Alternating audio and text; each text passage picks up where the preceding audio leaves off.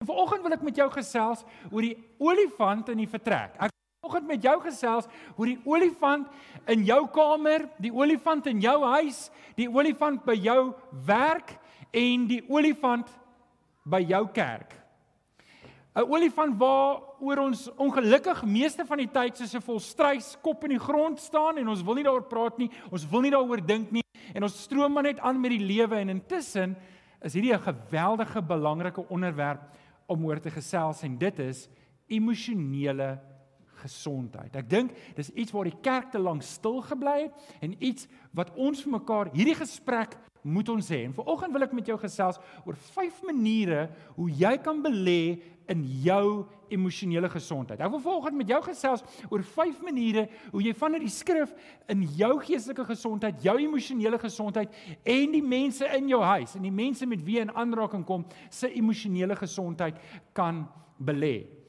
Um ek weet nie of julle weet nie, maar die laaste 3-4 weke het daar in een van die skole hier het daar 'n matriekleerling sy eie lewe geneem. Ek weet nie of julle weet daarvan nie. Dit het skokgolwe deur ons gemeenskap gegee en ek bedoel in die week het daar iewers anders, ek dink in George, nog 'n nog 'n leerling sy eie lewe geneem. En en en dis hartseer. Dit hoef nie te gebeur nie.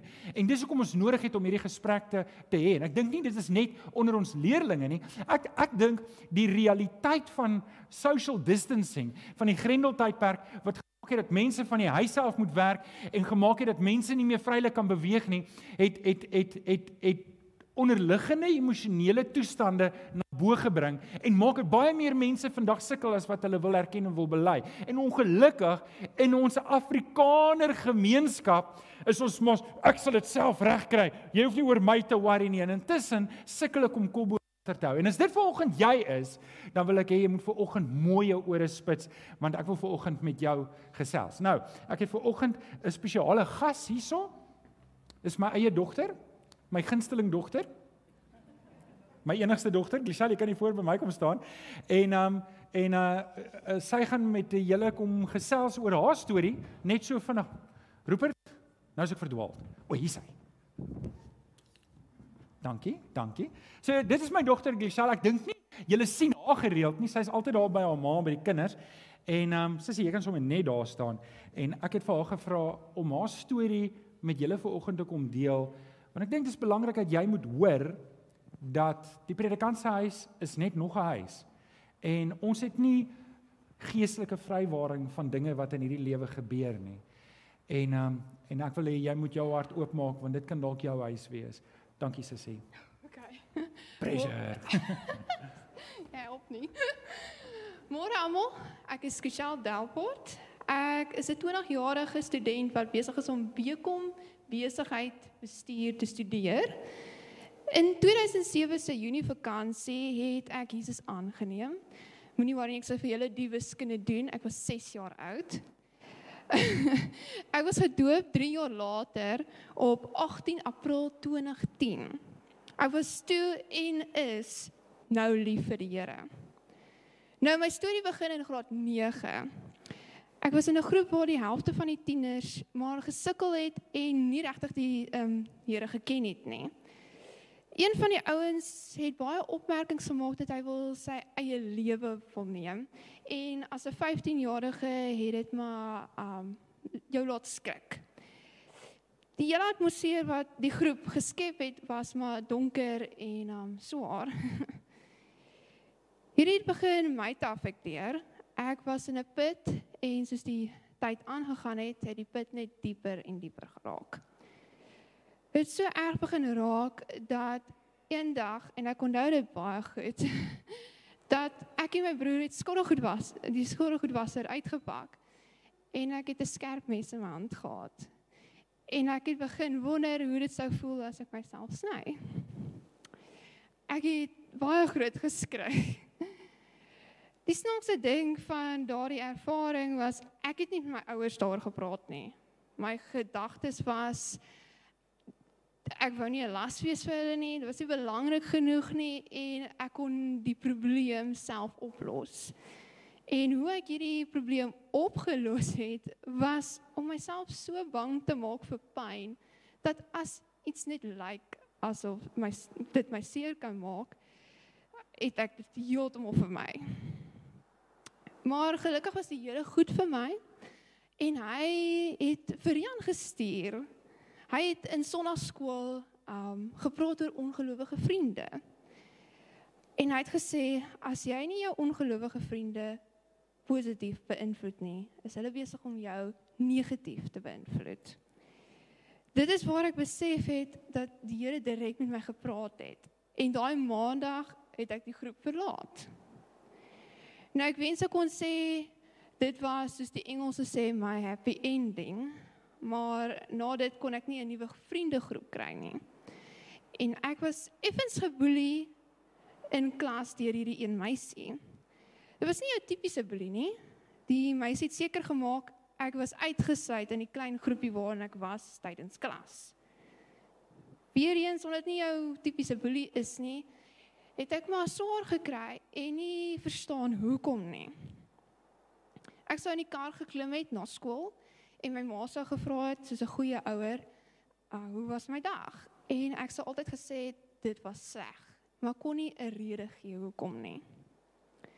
Was eendag so erg en ek weet die Here het dit gesien want daardie dag toe ek in die kar klim met my ma 'n liedjie gespeel. En die liedjie het gegaan oor dat die Here my sien en ek is kosbaar.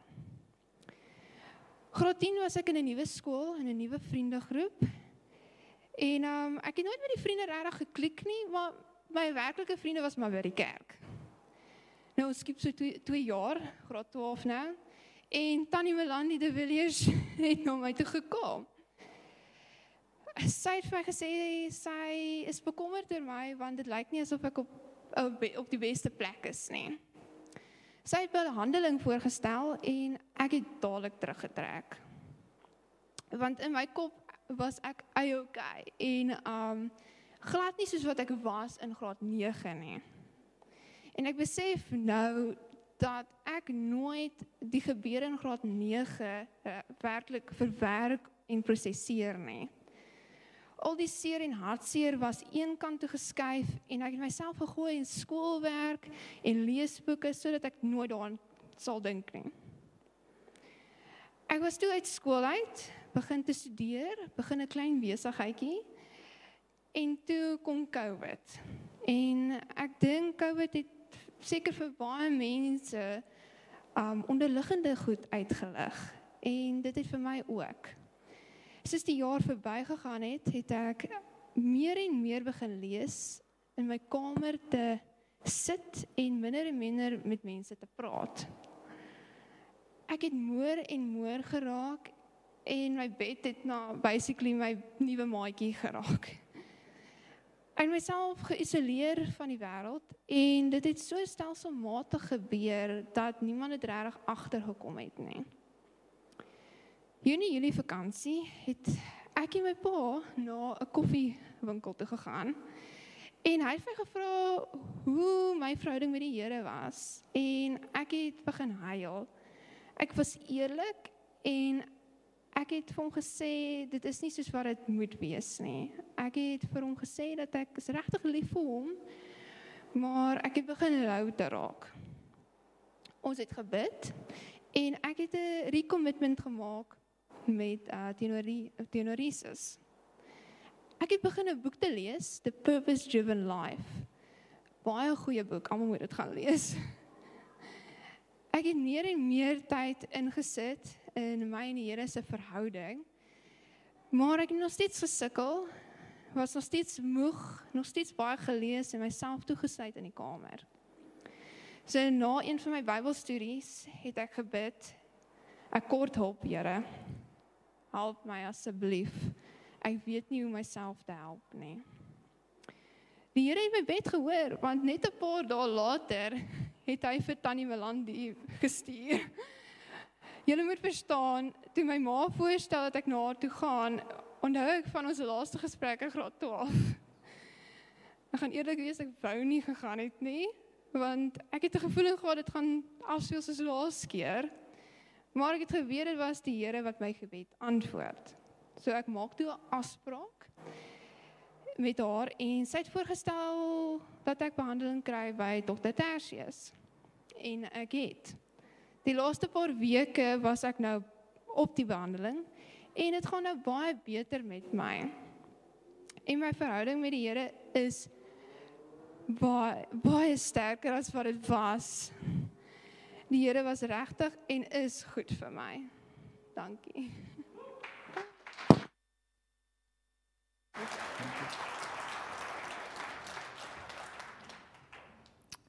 Ja, julle, um nou kan julle nou dink, hierdie is nou 'n lekker sensitiewe onderwerp vir ons dat hierdie goed gebeur in jou eie huis. Jy weet dit nie eers nie. Jy weet dit nie eers nie. En uh, ek wil vir julle nou sê ek wil myself beskou as 'n pa wat baie lief is vir my kinders en dan as dit goed gebeur dan dink jy dan besef jy hoeveel mense hoe, hoeveel ouers weet probeer ook net hulle bes te maar hierdie goeters gebeur reg onder hulle neuse en die eerste ding wat jy as ouer wil doen maar waar het ek fout gegaan en dan wil ek ook vanoggend vir jou sê dis nie noodwendig jy wat fout gaan nie Partykeer gebeur hierdie goeters en is nie eintlik so seer net wat gebeur het nie, dis wat gaan ons nou doen? Wat gaan ons nou doen? Hier is ons nou vir almal vir oggend. En weet jy wat dalk dalk het jou kinders het vrygespring, maar dalk is dit jy. Dalk is dit jou man of dalk is dit jou vrou of dalk is dit iemand by die werk en ek wil volgens hierdie gesprek hê.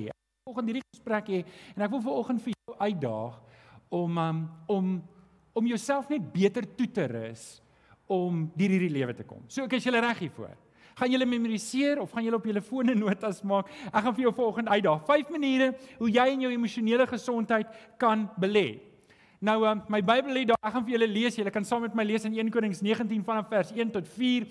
Agab, hy was die sewende koning van Israel, het vir Isebel, dis sy vrou, Isebel het Baal profete het Baal profete aan aan um, aangestel en sy die volk mislei die hele Israelitiese stam het sy laat mislei om Baal altare te bou en hulle het begin om Baal te aanbid. Nou okay, hou vas, ek gaan julle nou vertel hoe werk al hierdie goeters. So het alles gedoen het ook dat hy die profete om die lewe gebring het. Nou ek wil net gou gehoor. So julle het dit. Agab het vir Isebel vertel, Elia het die Baal profete doodgemaak. So jy begin in die middel van 'n storie. Het jy al ooit in die middel van 'n fliek ingestap en wonder wat gaan nou aan en dan kyk jy die res van die fliek en jy aan die einde kom jy het jy net alles gemis, né? Nee? Het jy dit agter gekom? Ek gaan gou vir julle die res vertel. So die vorige hoofstuk in hoofstuk 18 kom Elia en hy sê genoeg is genoeg. Julle het lank genoeg vir Baal aanbid. God soek sy terug. En hy begin die is hy begin die Israeliete uitdaag en hy sê ons gaan vandag gaan ons die Engels sê 'n showdown hê. So Baal Julle Baalprofete, julle gaan vandag gaan julle offer voorberei vir Baal en julle gaan dit uitlê en julle gaan bid en dan gaan ek die offer vir die lewendige en die enigste God voorlê en ek gaan bid. En die God wat met vuur antwoord, dis die werklike God. En die Baalprofete was die Baalprofete was baie beïndruk. Hulle het gesê kom ons doen dit. En hulle het die dag begin en dit was 'n gebid en toe weer die bid 'n smeek geword en die smeek het 'n huil geword en dit was 'n dit was net 'n geraas en 'n gedruis en 'n gedreun die hele dag, maar die hele dag deur niks het gebeur nie. Baal het nie geantwoord nie. Julle is by ons is by hoofstuk 18, nê. En um, toe die dag nou uiteindelik verby is, toe toe gee hulle die stryd gewonne en hulle sê vir Elia, "Alraai, dis jou beurt." Elia kom toe op en hy sê, "Nee, ah, dis nie so maklik nie. Bring vir my 4 kanne water." En hulle bring die vier kanne nou teen hierdie heuwel op en hulle gooi dit oor die offer, oor die hout en oor die altaar. Hy sê nee nee, dis nog nie genoeg nie. Gaan haal weer vier kanne water. En hulle bring weer vier kanne op. Hulle gooi dit weer oor die vleis en oor die offer, oor die altaar en oor die hout. En hulle sê dis nog steeds nie genoeg nie. Kom ons doen dit nog 'n keer. So stem julle saam. Dit was redelik nat. Dit was so, daar was so baie water dat die fore wat hulle om die altaar gegrawe het, die bloed nie afloop na die mense toe nie vir higiëniese redes.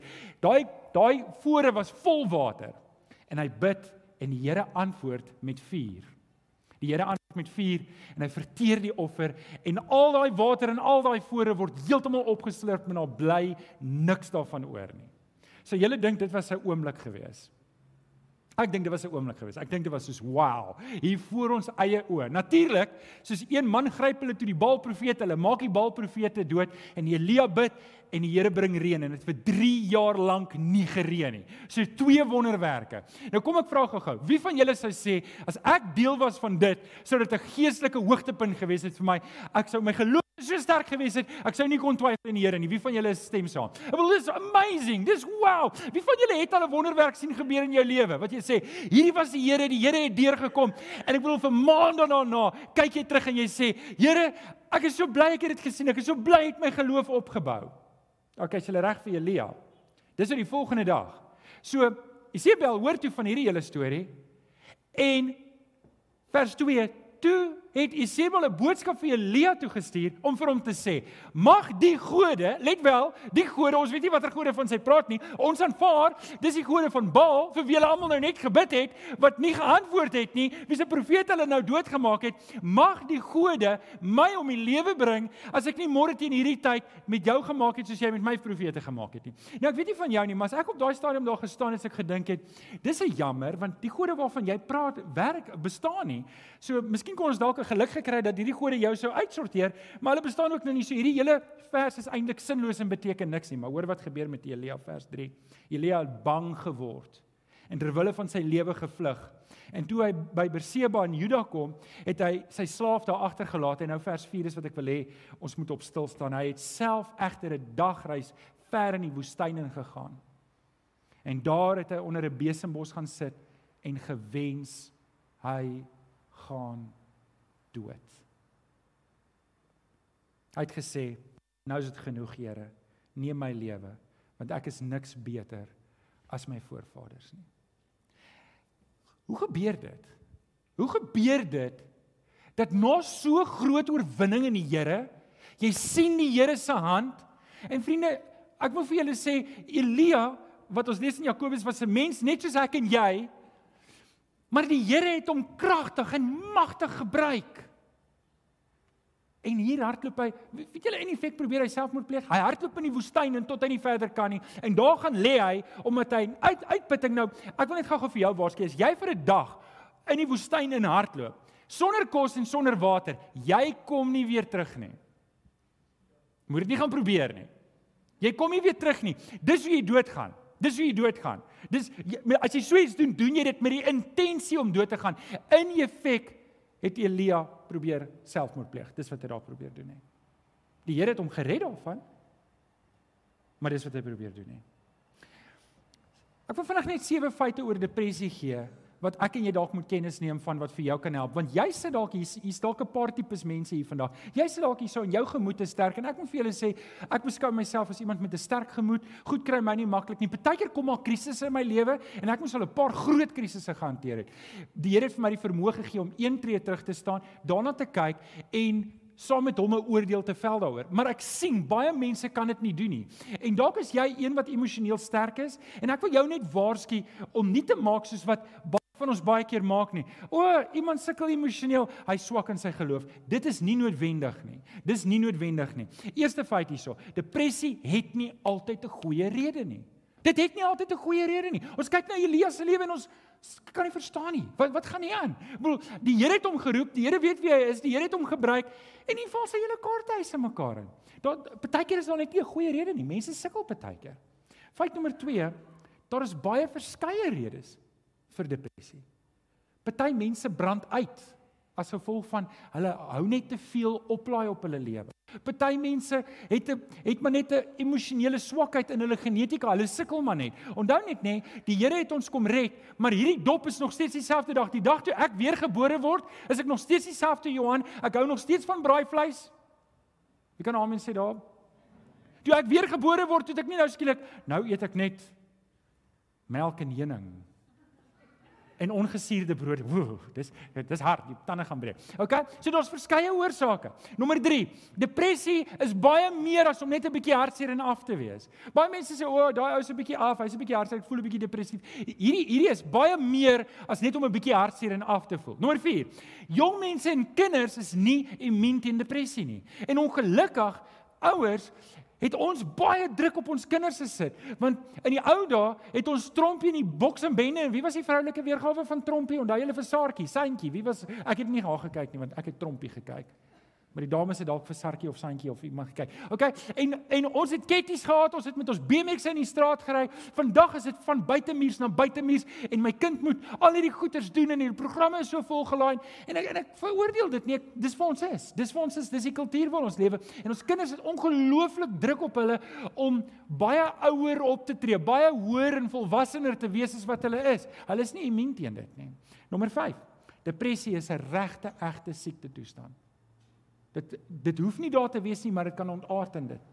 Nommer 6, dis behandelbaar. Dis behandelbaar. Daar's geen rede hoekom iemand in daai afkondisie te bly leef nie. Daar's mense wat kan help. Dankie Dr. Tersius. Dankie dat jy en Milandi uitgereik het na my dogter. Ek waardeer dit. En nommer 7, onbehandelde depressie is baie maal die oorsaak vir selfdood. Ongelukkig is dit wat ons sien in ons gemeenskap. Nou oké. Okay vyf maniere en hier's waar ek nou wil hê oplet. Ek gaan na die woord van die Here toe. Ek gaan vir jou vyf maniere gee hoe jy in jou eie lewe kan belê in jou eie emosionele gesondheid, maar ook in die mense om jou. Nou van hulle is moeiliker en van hulle is makliker, maar ek wil hê jy moet saam met my kop hou. Is almal wakker? Sê net asseblief ja. Ja, okay, hier gaan ons. Nommer 1. Bly by die bron van jou verlossing. Bly by die bron van jou verlossing, dis Jesus Christus. Hebreërs 5 vers 9 sê, en toe hy dis Jesus volmaaktheid bereik het, het hy vir almal wat aan hom gehoorsaam is, die bron van ewige saligheid geword. Kan Christene ook depressief wees? Ouers, ek weet jy verskil dalk met my, maar die kort antwoord is ja. Kinders kan ook, kinders van die Here kan ook in depressie verval. Dis jy jy jy jy's op 'n beter plek as jy 'n kind van die Here is, maar kinders van die Here selfs mense wat naby aan die Here geleef het, mense soos Elia kon in 'n gat val en en en en kon 'n poging aanwend om hulle self baie baie skade te berokken en ek en jy moet eerlik wees oor daardie feit. 2 Korintiërs 5 vers 17 sê egter iemand wat aan Christus behoort is 'n nuwe mens. Die ou is verby en die nuwe het gekom. En hier moet ons mekaar in die oë kyk. Ouens, het jou geloof deurgeslaan in jou werklike lewe? Het jou geloof werklik deurgeslaan? Daar's baie mense wat en ek en ek en ek wil dit baie versigtig sê, maar daar's baie mense wat 'n goedkoop bekering gehad het. Ek byvoorbeeld 'n ou het vir my gesê, hoorie, um het jy al tot bekering gekom? Dis hoe ek tot dis hoe ek Jesus leer ken het. En ek het vir hom gesê, ek weet nie. En um en hy het my twee vrae gevra en hy het gesê hy gaan nêrens heen nie. En hy vra my, "Wil jy hemel toe gaan? Wie van julle wil hemel toe gaan? Wie van julle? En die res van julle lyk my julle twyfel."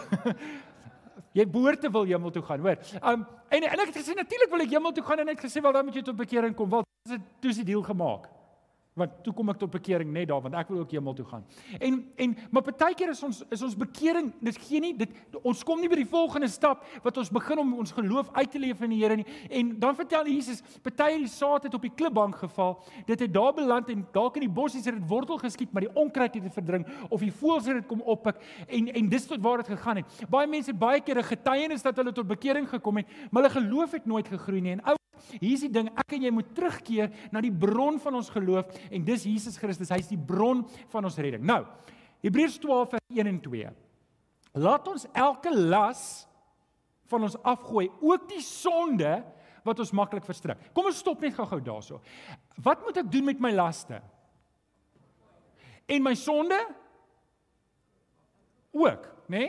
OK, sê vir my, as jy die vers net so lees, lyk dit soos twee verskillende goed. Moet ons stem. Nou, nou julle dink dit is 'n strikvraag, nê? Nee. Kom ek gee julle kom ek gee vir julle 'n tip. Okay, so kom ek vra vir julle. Wie van julle sê dis twee verskillende goed daai? Kom julle is nie vanoggend hier nie nê. Nee. Dis twee verskillende goed. Daar kan laste in jou lewe wees. Dis nie noodwendig sonde nie, maar dit is goed wat jou vashou en jou druk en en daai goed moet jy afgooi. Jy moet dit identifiseer en jy moet dit afgooi. En dan sê hy ook die sonde, want sonde as ek aanhou om die verkeerde dinge te doen in my lewe, kan dit my ook in 'n diep gat laat beland. Dit kan druk sit op my huwelik, dit kan druk sit op my werk, dit kan druk sit op verskillende plekke as ek voortgaan met sonde, as ek weet hierdie ding is verkeerd voor die Here. Maar ek moet onderskeid tref. Laste en sonde is nie dieselfde ding nie. Jy kan hier sit met laste wat jou aftrek en jy moet dit ook afgooi. En dan sê dit verder en laat ons die wedloop wat vir ons voorlê met volharding hardloop. Die oog moet waar gefestig wees? Op Dit moet gefestig op Jesus want hy is die begin en die volëinder van ons geloof. Ek en jy moet by die bron uitkom weer en dis by Jesus Christus. En ouens, hierdie is belangrik. Hier is belangrik. Dit moenie 'n kulturele ding wees nie. Dit moenie 'n gewoonte ding wees nie. Ek en jy moet iewers op 'n plek gekom het wat ek op my knieë die Here Jesus aangeneem het as my verlosser en saligmaker en vir die Here gesê het: "Here, ek is 'n sondaar en ek het redding nodig. Here, ek is verlore in my ek het u redding nodig. Ek het nodig dat u my lewe moet kom verander en my laste en my sonde by die kruis los." En vriende, dis waar ek en jy moet begin. Dis die eerste belangrike ding hoe ek kan belê in my emosionele gesondheid en dis om vas te hou aan die Here Jesus. Sê nie vir die ou langs aan hou vas aan Jesus. Ja, Nommer 2.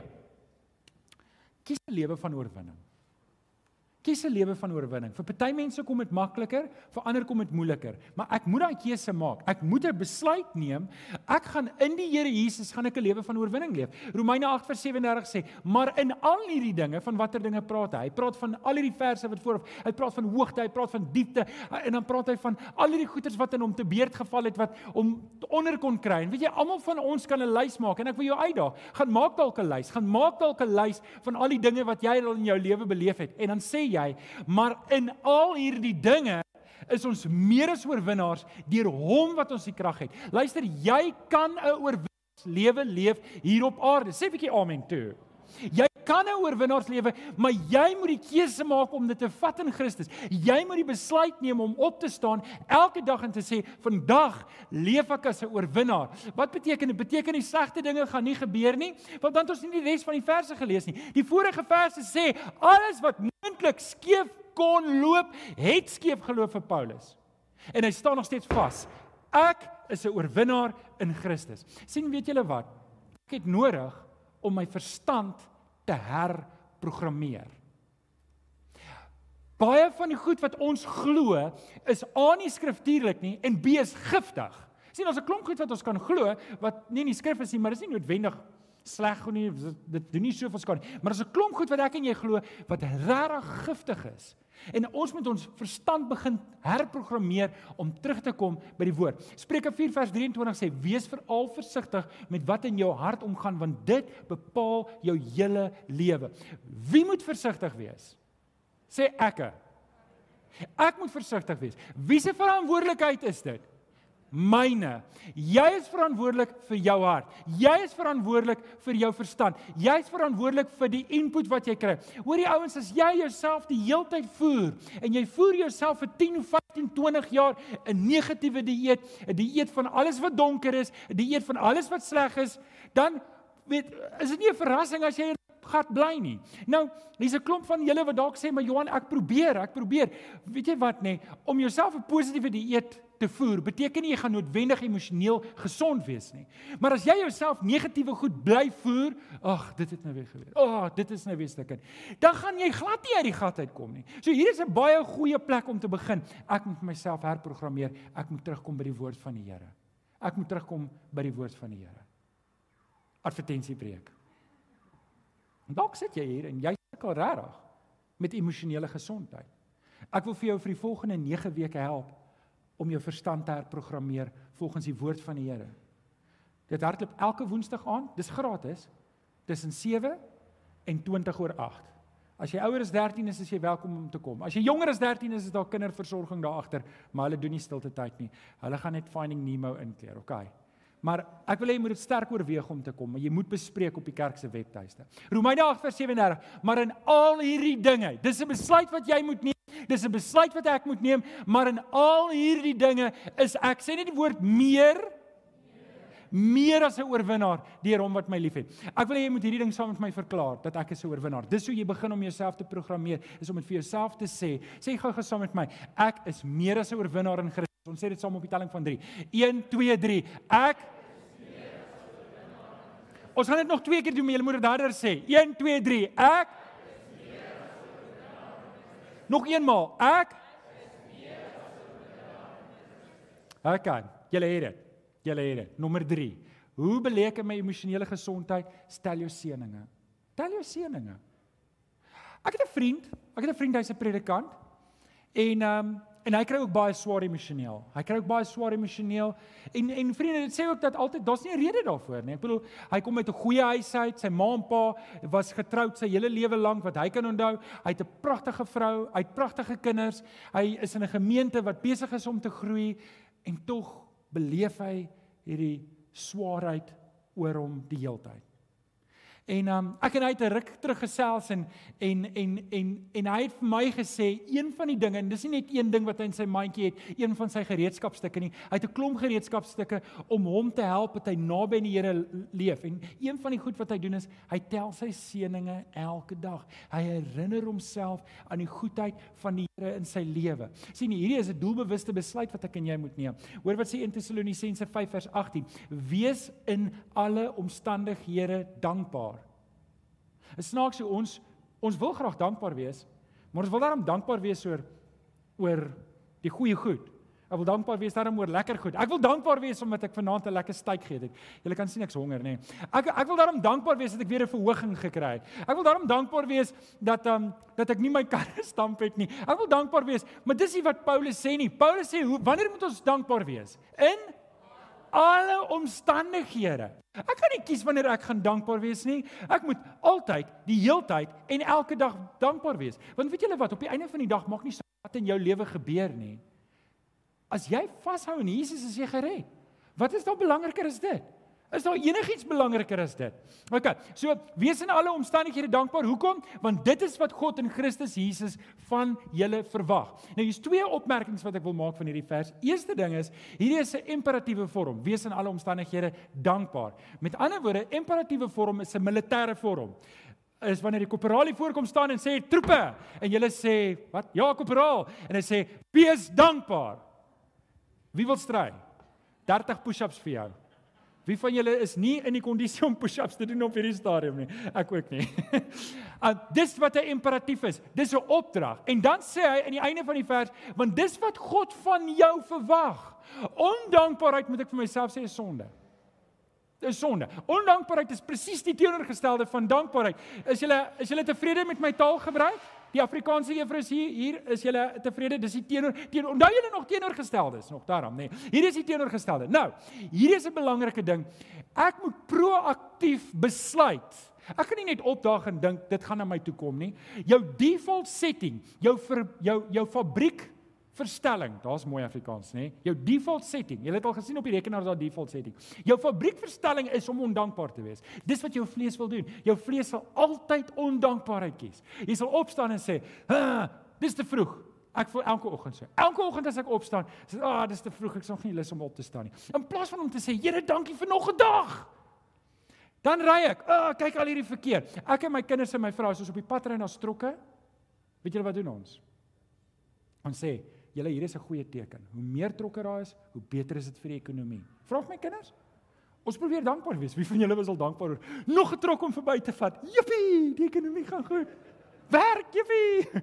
Haai, Shoprite, hulle bring kos weer. Um, maar maar dis ek moet 'n besluit neem om dankbaar te wees in my lewe. As ek kies as ek nie gaan kies nie, dan gaan ek natuurlik graviteer na ondankbaarheid. Ek gaan daar sit en ouens keer op keer op keer gaan ondankbaarheid dankbaarheid troef as jy nie 'n besluit neem elke dag om te sê ek gaan dankie sê vir alles nie. Amen. OK.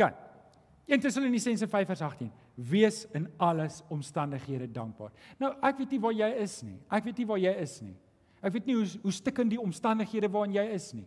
Maar ek wil vir jou nou sê, jy gaan gehalte besluit te neem wanneer jy dankbaar is in Christus is wat jy ondankbaar is. As ek terugkyk oor my lewe, dan kan ek sien ek het foute gemaak terwyl ek in ondankbaarheid geleef het. Terwyl ek nie tevrede was met wat om my aangaan nie, het ek besluit baie keer besluite geneem, maar die kere wanneer ek tevrede was in die Here om te sê Here, U is vir my genoeg. Here, die kruis was vir my genoeg. Ek is dankbaar daarvoor. Kan ek nugterder besluite neem en nie amper sê ek stupid goed aanvang nie. Wie van julle het al iets gesê wat jy liewer jou tong moes byt omdat jy kwaad was of vies was oor iets wat eintlik so nitty-gritty was en jy het eintlik skaar gedoen? Wie van julle het al so iets oorgekom? Ondankbaarheid. Nou, ons het rug 'n ruk terug duisend dankies gedoen. Ek het 'n rukkie terug hieroor gepreek. Daar by die infotafel is daar bokse en bokse duisend dankies. Duisend dankies is net 'n boek wat jy elke dag net vir die Here sê dankie vir iets. Jy noem elke dag soveel soos wat jy kan. Nou die boek kan 'n duisend vat. So daar's jou uitdaging. As jy sukkel met dankbaarheid, dan is dit hoe jy jou dag gaan begin. Elke oggend gaan jy skryf 4 of 5 goed waarvoor jy vandag dankbaar is. En die idee is dat jy elke dag nuwe goed skryf. Moenie nie elke oggend dieselfde goed skryf nie. Dwing jouself om opnuut met nuwe oë na jou lewe te kyk en vir die Here dankie te sê. Aanvaar jy die uitdaging? Daar's boekies vir julle by die infotafel. Nommer 4. Skakel aktief by 'n gemeente in. Skakel aktief by 'n gemeente in. Um Hebreërs 4 Hebreërs 10 vers 24 tot 25 my teksverwysing is nou weg daar vir die van julle wat dit wil skryf. Hebreërs 10 vers 24 tot 25. Julle ken hierdie vers, julle ken hierdie vers goed, ek haal dit gereeld aan. Laat ons ook mekaar omsien. Wat moet ons doen? Ons moet na mekaar Ons moet nou ek moet na jou kyk. Dis belangrik dat dit goed moet gaan. En weet julle, dis hoekom ek dis hoekom ek as ek vir jou vra hoe gaan dit met jou? Dan is dit vir my nie net 'n gewoonte ding nie. Ek wil weet hoe gaan dit met jou? Ek weet julle ons Afrikaners sê mos, "Hallo Shaal, hoe gaan dit met jou?" Ek hoop jy sê goed dankie sodat jy nou vir my vrou gaan dit met my. As ek nee, dit gaan maar net goed, dankie. Moenie moet dit nie verder vat nie. Maar ek ek wil hê jy moet weet wanneer ek vir jou vra hoe gaan dit met jou, dan wil ek weet hoe gaan dit met jou. Want ons het 'n taak om na mekaar om te sien. Hier is waar dit gebeur. Ons moet uitkyk vir mekaar. Ons moet omgee vir mekaar. Dit is ons oproep in Christus. En dis hoekom ek wil jou uitdaag om vir mense te vra hoe gaan dit met hulle? Hoe gaan dit met hulle? Maar moet dit nie net sê omdat Afrikaners dit sê nie. Ons Afrikaanse taal is so vol gewoontes en tradisies. Is iemand wat Engels is vandag? Ek wil net gou-gou sien. Hoe is jy 'n Engelse persoon? Baie welkom. Baie Engels, ja, ons Britse paspoorte sit ook daar agter. Moet dit nie doen nie. Ek wil vir jou vra om in die gewoonte te kom om vir mense te vra hulle in die oë te kyk en te vra, "Hoe gaan dit met jou?" Hoe gaan dit regtig met jou? Hierdie is wat hierdie vers sê. Ons laat ons na mekaar omsien deur mekaar aan te spoor tot liefde en tot goeie dade. En dan sê, ons moenie van die samekomste van die gemeente af wegbly nie, soos party se gewoonte is nie, maar mekaar eerder aanmoedig om daarheen te gaan en dit des te meer na mate jy die oordeelsdag sien naderkom. Nou hier's die ding. Hier's die ding. Ek moet hiernatoe kom om twee redes. Eerstens is dalk kry jy swaar. Gisel, en jou bed het jou beste maatjie geword. Jy kan nie uit die bed uitklim nie. Jy lees net die hele dag. Jy weet jy stel nie belang in interaksie met mense nie. Jy moet juis tussen mense kom. Jy moet juis kom dat mense kan sien dit gaan nie goed met jou nie. Jy moet juis jou hand opsteek en sê, ouens, 'n kort bietjie gebed. Bid 'n bietjie vir my. Ek voel 'n bietjie af vandag. Jy daai gemeenskap van gelowiges ore. En dalk is dit nie jy nie. Dalk sê jy, maar ek kry nie swaar nie. Dan moet jy juis kom want ons het nodig dat jy hier moet wees. Ons het die ouens wat sterk is in die Here nodig om hier te wees. So sodat jy's die ou wat daai persoon moet help om te sê hoorie ek sien jy voel nie lekker nie. Kan ek vir jou 'n gebed doen? Maak nie saak wie is nie. Ek het nodig dat jy moet kerk toe kom. Ek het nodig dat jy hiernatoe moet kom. Ek het nodig dat ons uitgestuur moet word na die wêreld. Ons weet julle hierdie hierdie isolasie waarna ons is die laaste jaar het baie skade gedoen aan ons emosioneel. Vir baie mense het dit baie sleg gedoen dat ons O, o, baie mense kan net nie meer opstaan nie. Hulle bly net daar. En ek wil jou vra om geestelik uit self-isolasie uit te kom. Amen. Ek wil vir jou vra om uit geestelike self-isolasie uit te kom waar was jy siek is. Spread the love, not the germs. Okay? So as jy siek is op 'n Sondagoggend, nog 'n advertensie breek, as jy enigstens sleg voel, bly liewer by die huis. Ons sal dit bly aanlyn uitsaai, okay? Maar vir al die ander goed, as jy reg voel, ouens, daar's twee dienste. As jy dan wil gaan, ek weet nie, bootry en ski vir die Sondag, dan kan jy na die vroeë diens toe kom. As jy Saterdag aand laat was by 'n troue, dan kan jy na die tweede diens toe kom. sien jy ons het altyd 'n plannetjie. Nou vir die aanlyn mense. Dis eintlik belangrik. Hoorie, ek wil graag hê jy moet inskakel by die gemeente. sien julle ek praat nou, dit voel 'n bietjie vreemd, maar ek praat nou met die mense by die huis. Ek wil graag hê jy moet inskakel. As jy nie kan nie, hierdie gaan altyd hier wees, maar ideaal moet jy ingeskakel wees. As dit nie by hierdie gemeente is nie, moet dit by 'n gemeente wees, maar ons moet inskakel by die gemeenskap van die gelowiges. En is baie belangrik. Die Here het ons so gemaak. Daar's daai vers weer. Okay, ons kom by die laaste Here. Ons kom by die laaste ene. Soek doelbewus hulp. Lukas 5 vers 31 sê, die wat gesond is, het nie 'n dokter nodig nie, maar die wat siek is. Weet julle daai vers is vir my 'n kragtige vers want net met daai vers gee Jesus erkenning aan die hele mediese beroep. En ek het ek het nogal toe ek met dokter Johan Nel die onderhoud gehad het, was dit vir my so jammer dat die dat die dokters, maar ons het verskeie dokters in ons gemeente. Ek het die dokters in ons gemeente so jammer gekry want die daar was so sterk aanval op ons dokters die laaste 2 jaar wat ek dink onnodig was. Want dis die ouens wat ons moet opereer wanneer ons in die ICU lê, weet wanneer ons in 'n motorongeluk was. Maar ouens, hierdie mense is deur die Here gegee en hulle is daar om te help en En en ons moet hulp soek wanneer die tyd is, wanneer ons sien ek kom nie, ek kom nie reg nie. En hier is die probleem. Hier is die probleem. Michelle het dit nou gesê. Baie keer dan dink jy mense weet, maar hulle weet nie. Baie keer dan dink jy, maar mense weet, maar hulle weet regtig nie. En en ek wil vir jou uitdaag. Jy sit dalk nou hierso en jy dink, maar my gesin is dalk gespaar. Maar sê dalk is jou gesin nie gespaar nie. Jy weet dit net nie. En ons moet sensitiewer wees. En ek wil vir jou uitdaag om vir jou gesin te bid en vir jou familie te bid en vir jou werksmense te bid, vir jou man te bid en vir jou vrou te bid en vir die Here te vra. Dominee, Dominee Chris gaan vir ons 'n video oplaai en ek wil vra as jy enigstens wonder oor jou emosionele gesondheid, gaan ek jou vra om daai video te kyk. Soek hulp. As jy sien jy kom nie reg nie, kom soek hulp. Psalm 18 vers 7 bid Dawid. Hy sê in my nood roep ek na die ja, Here. Ja, ek roep om hulp by God. Natuurlik is dit die eerste plek. Ek gaan soek hulp by die Here, maar dan moet ek ook by die gemeenskap van die gelowiges gaan soek want julle hier's 'n vers vir ons. As jy sê jy's sterk in die Here en jy jy's waar jy nou is, is jy gesond, dan ek vir jou vers Galasiërs 6 vers 2 sê ons moet mekaar se laste dra. Ek moet uitkyk vir die mense om my. As ek sien jy kry swaar, dan moet ek uitreik. Um Paulus sê in Romeine 12 vers 15, wees bly saam met die wat bly is en treur saam met die wat treur. As jy sien iemand kry swaar, gaan staan langs hulle en kry saam met hulle swaar. Nou, Domie Chris. Wil Domie nie gou hier by my kom staan so vir 'n oomblik nie. Sorry. Dis Domie Chris, die van julle wat hom gemis het. Julle hier is 'n baie goeie plek om te begin. Hier is 'n baie goeie plek. Ek um, spog baie met Domie Chris, maar Domie Chris is 'n gekwalifiseerde pastorale beraader. En um en en hy sê vir jou baie maklik, as jy nie weet waar om te begin nie, begin nie. Maak 'n afspraak. Anneke, jy kan vir Anneke bel en met Domie Chris 'n afspraak maak. Dis vir my so voorreg om saam met Domie Chris te werk en en ons is hier om ons wil vir jou help want ons is lief vir jou. Ons is lief vir jou en ons gee om vir jou. Jy weet die gesprekke wat ek en Domie Chris het wanneer ons hier staan, jy weet jou jou belange is ons belange. Ons ons wil hê jy moet geestelik, emosioneel en liggaamlik gesond wees. En um, en dit beteken baie keer gaan ons goed sê waarvan jy nie hou nie. Maar ons is nie daar om mense te paai nie. Ons is daar om mense uit te daag. Amen. Nou ons gaan vir jou bid. Nou Domie Chris, ek het nou nie vir Domie 'n mikrofoon nie, maar ek gaan sommer bid. Maar kom ons kom ons bid. Ek wil vir jou bid. Ek wil vir jou bid. Dalk kry jy emosioneel swaar. Dalk is jy nie op 'n goeie plek nie. Ek dink ek het iets vir jou vanoggend gegee om aan vas te hou. Maar die beginplek, begin by Jesus. Kom ons bid saam. Vader, Ek kom dankie vir die voorreg. Ek kom dankie vir die voorreg dat ek saam met hierdie manne en vroue, hierdie jong mense kan wees vandag en Here waar daar so baie dinge in ons land aangaan en dinge so te mekaar is, kan dit deur die krake glip dat daar mense onder ons is wat regtig swaar kry.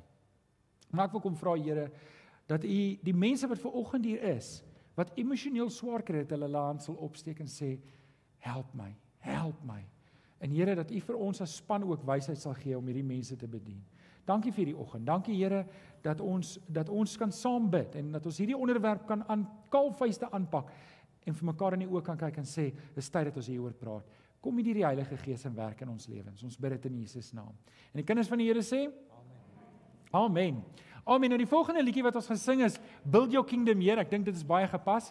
En ehm um, kom ons vra die Here om sy koninkryk in ons harte te bou. En dat die Here vir ons sal leer om in oorwinning te leef. Dat ons ouens, jy's 'n oorwinner. Sê net gou weer saam met my. Ek is 'n oorwinnaar. Ek is 'n oorwinnaar. In Christus. In Christus. Kom ons sê dit saam. 1 2 3. Ek is 'n oorwinnaar in Christus. Nou kom ons staan en sing ons saam. Dankie. Kenny, is jy reg? OK.